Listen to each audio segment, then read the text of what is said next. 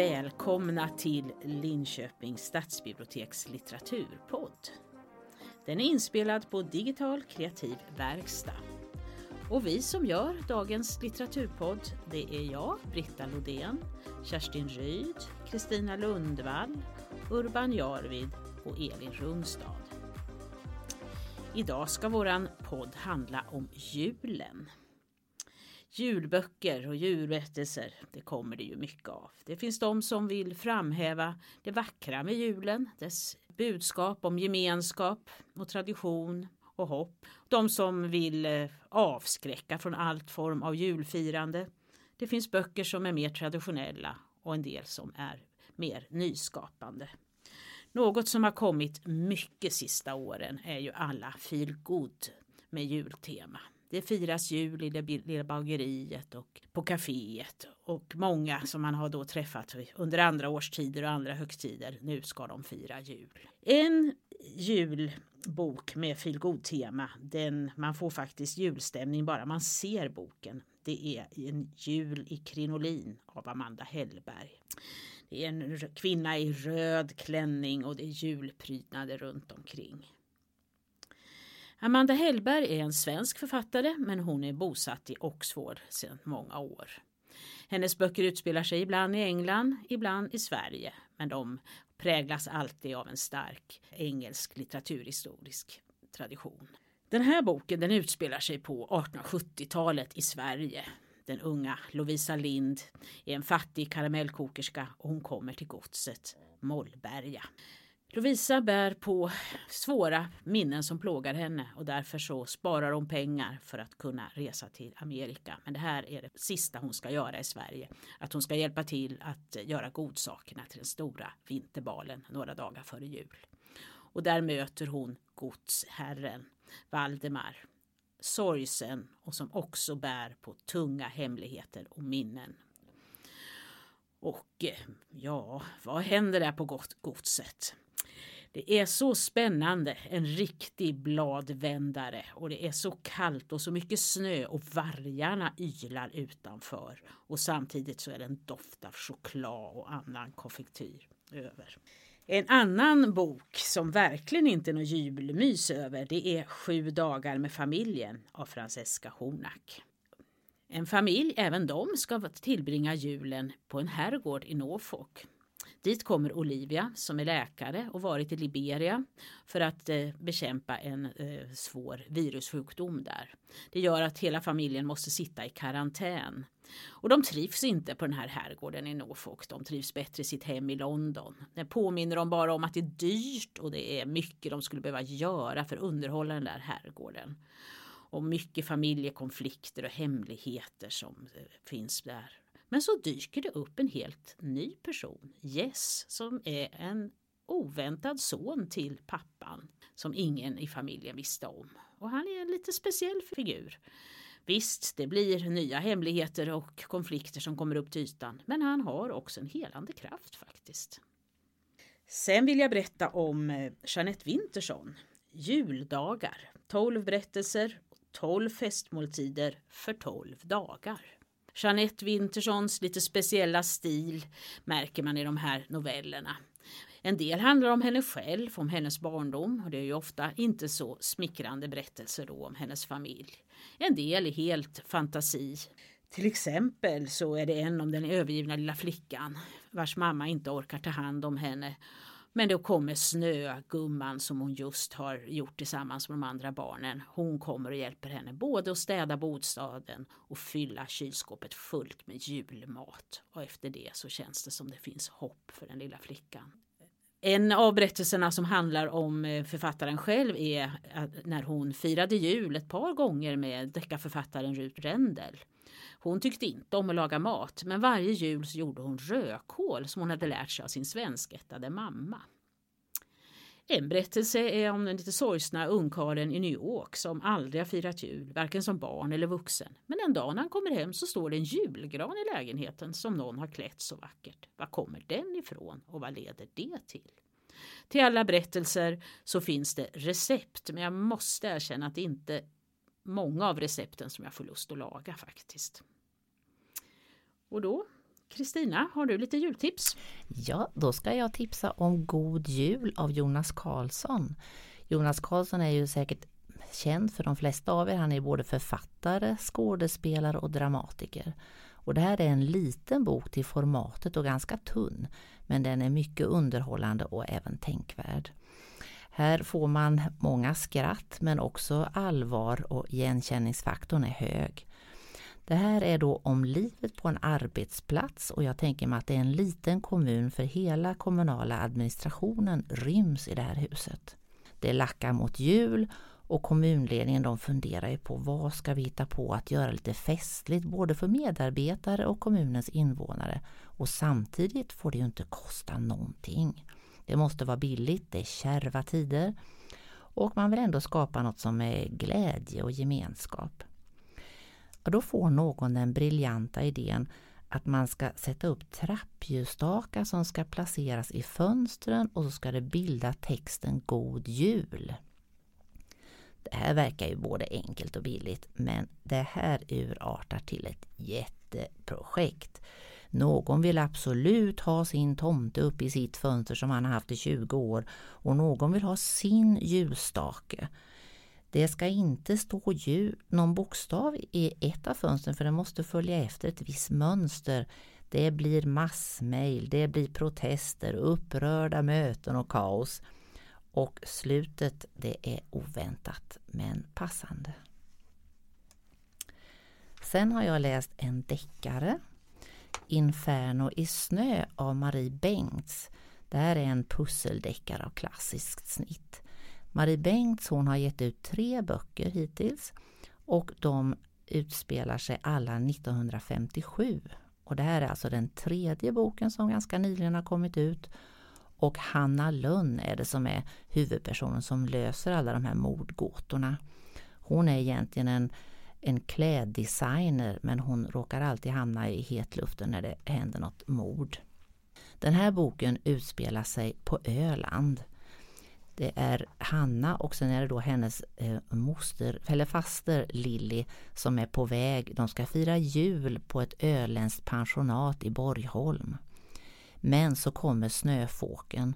De tuffar fram där i Hannas gamla folkvagn och snön formligen vräker ner. De slirar på vägen och de vet att det bara är någon mil kvar. Men till slut så känns det att det här kommer inte att gå. Sen på vägen så står det en bil alldeles som har kört lite i diket och det är en man då som de tar upp, han får lifta med dem. De klämmer in sig i folkvagnen men till slut så, nej det går inte för dem heller att ta sig fram utan de söker skydd på en närbelägen gård. När de kommer fram till den här gården så är det flera personer i huset och de känner igen den här liftaren. Han är en misstänkt mordbrännare på Öland. Så redan där hettar det till och de är inte pigga på att ta emot den här gästen men vad ska man göra? De kan inte släppa ut honom i den här snöyran utan han ska få stanna tills det har lagt sig. Men det lägger sig inte. Det är snöar och snöar. Och sen börjar ju den ena händelsen efter den andra. För det är 1957, det finns inga mobiler och när man upptäcker att telefonsladden är kapad, batterierna tar slut, radion funkar inte, de har ingen kontakt med omvärlden.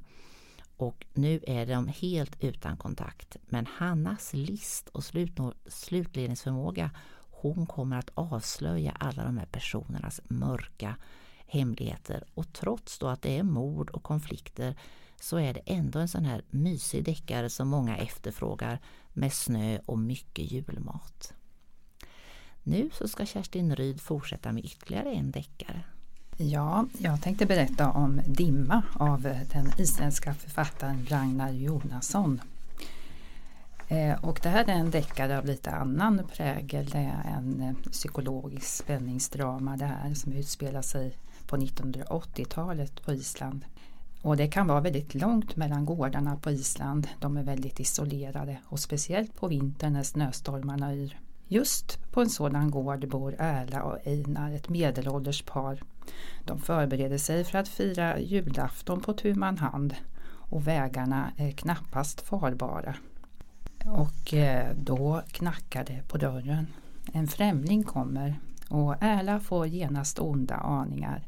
Einar bjuder in för man måste ju vara lite gästvänlig så här i snöstormen. Eh, men de borde inte ha släppt in honom.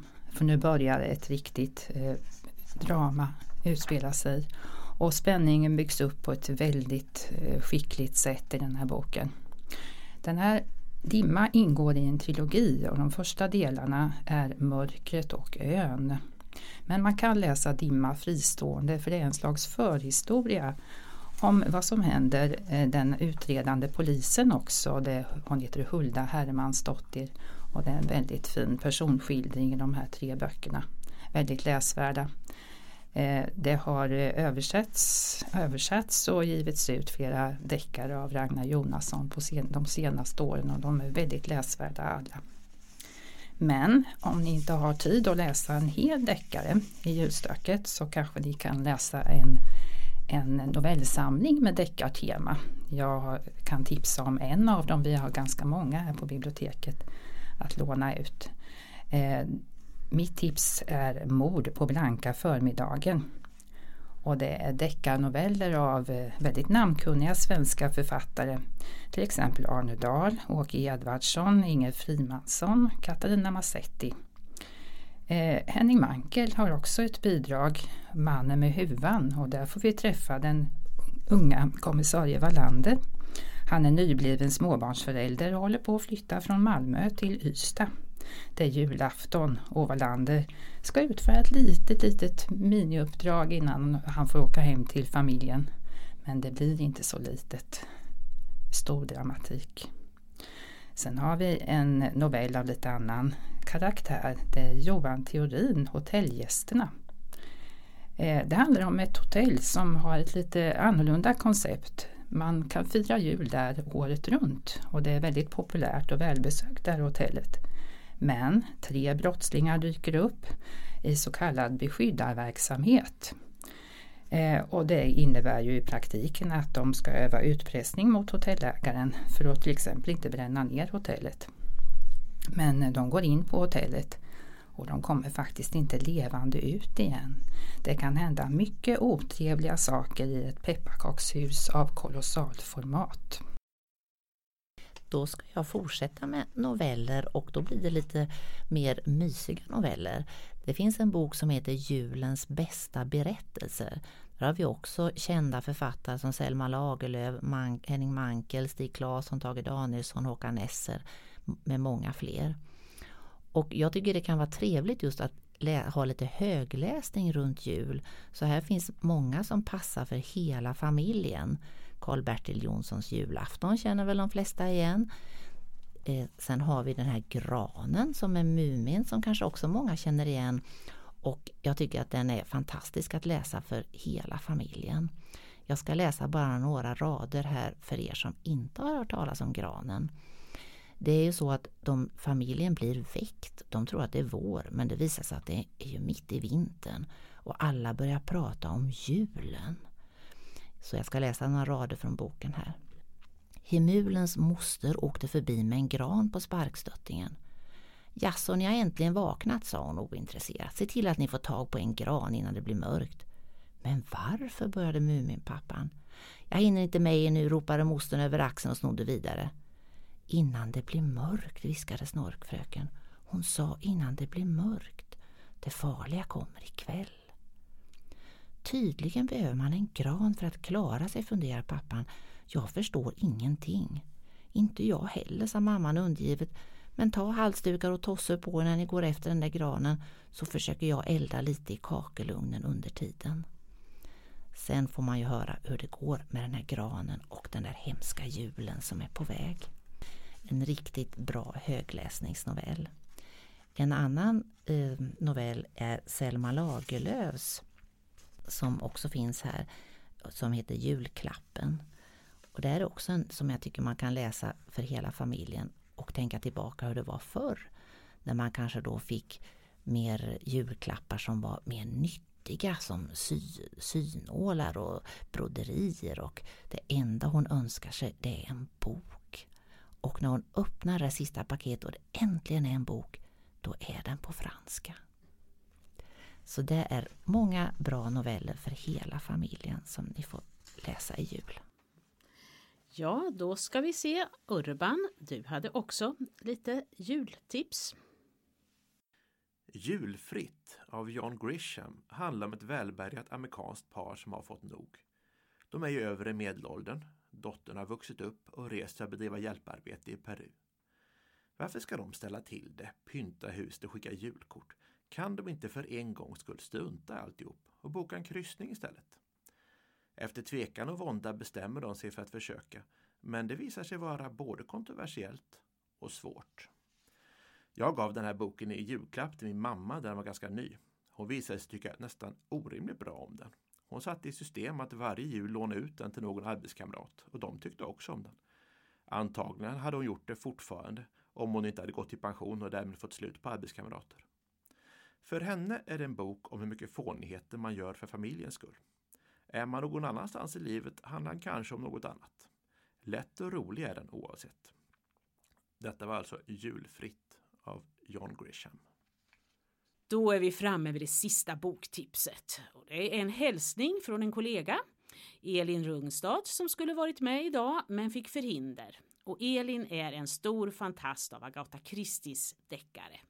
Och varje jul så läser hon om sin favorit, nämligen Hercule Poirots jul.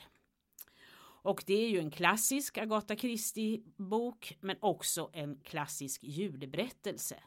Hur en familj samlas ute på landet det är de vuxna barnen med sina familjer som kommer hem och det är det ska vara en riktigt trevlig jul men gamla oförrätter, hemligheter, allting vävs samman och särskilt som det dyker upp några främlingar som egentligen inte alls hör till familjen. Och det är ju Agatha Christie så det sker ju ett mord. Och, eh, och här finns det gott om falska ledtrådar och gamla oförrätter och många de är inte vilka de ger sig ut för att vara. Alltså en bok som verkligen passar att läsa nu i juletid. Då hoppas jag att ni alla har fått lite tips för mysiga lässtunder i jul. Antingen att läsa själv eller att läsa högt tillsammans. God jul från oss alla till er alla.